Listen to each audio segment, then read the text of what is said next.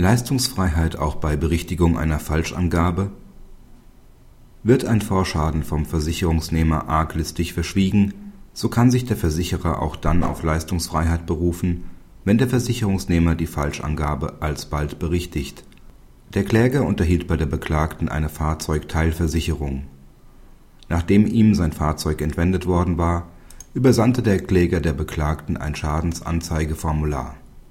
Die Frage, ob das Kraftfahrzeug Vorschäden, auch reparierte, erlitten habe, wurde seitens des Klägers mit Nein angekreuzt.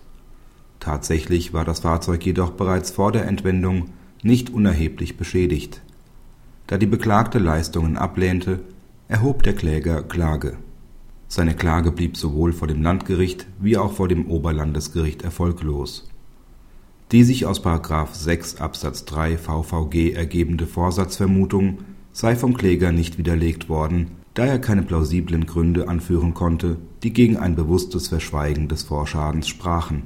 Problematisch war jedoch, dass der Kläger seine in der Schadensanzeige gemachten falschen Angaben korrigiert und den wahren Sachverhalt der Beklagten vollständig offenbart hatte, nachdem die Beklagte die geforderte Versicherungsleistung aus anderen Gründen ablehnte.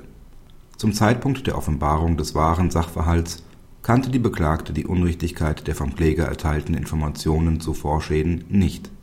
Nach Auffassung des OLG muss einem Versicherungsnehmer auch dann noch eine Korrektur einer falschen Angabe möglich sein, wenn der Versicherer die Leistung aus anderen möglicherweise einer rechtlichen Grundlage entbehrenden Gründen ablehnt.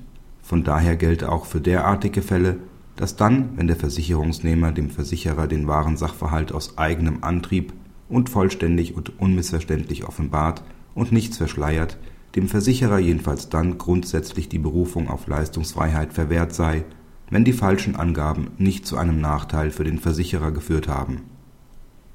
Obwohl dieses im streitigen Fall gegeben war billigte das OLG dem Versicherer die Berufung auf Leistungsfreiheit zu, da der Versicherungsnehmer arglistig gehandelt habe.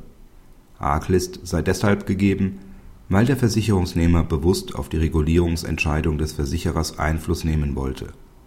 Das ist in aller Regel der Fall, wenn der Versicherungsnehmer den Versicherer über den Wert der zu versichernden oder zu entschädigenden Sache oder über diesen Wert bestimmende Faktoren in erheblichem Maße zu täuschen versucht im Hinblick auf das Ausmaß des Vorschadens war dieses nach Auffassung des OLG eindeutig gegeben. Praxishinweis Im neuen VVG hat das Recht der Obliegenheitsverletzungen gravierende Änderungen erfahren. Anders als bei § 6 VVG alte Fassung wird Vorsatz nicht mehr vermutet. Er ist vielmehr vom Versicherer darzulegen und zu beweisen. Hat der Versicherer den objektiven Tatbestand einer Obliegenheitsverletzung nachgewiesen so wird nach § 28 Absatz 2 VVG (neue Fassung) grobe Fahrlässigkeit vermutet. Bei grober Fahrlässigkeit findet eine Leistungskürzung statt, die anhand der Schwere des Verschuldens zu berechnen ist.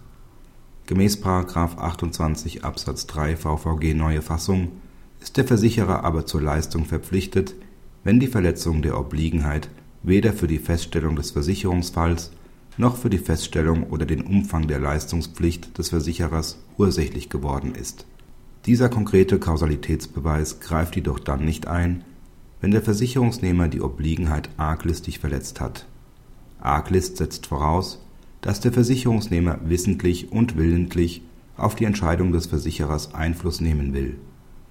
Betrügerische Absicht ist nicht erforderlich. Es reicht aus, wenn der Versicherungsnehmer aufgrund seiner falschen oder unvollständigen Angaben die Schadensregulierung des Versicherers beeinflussen will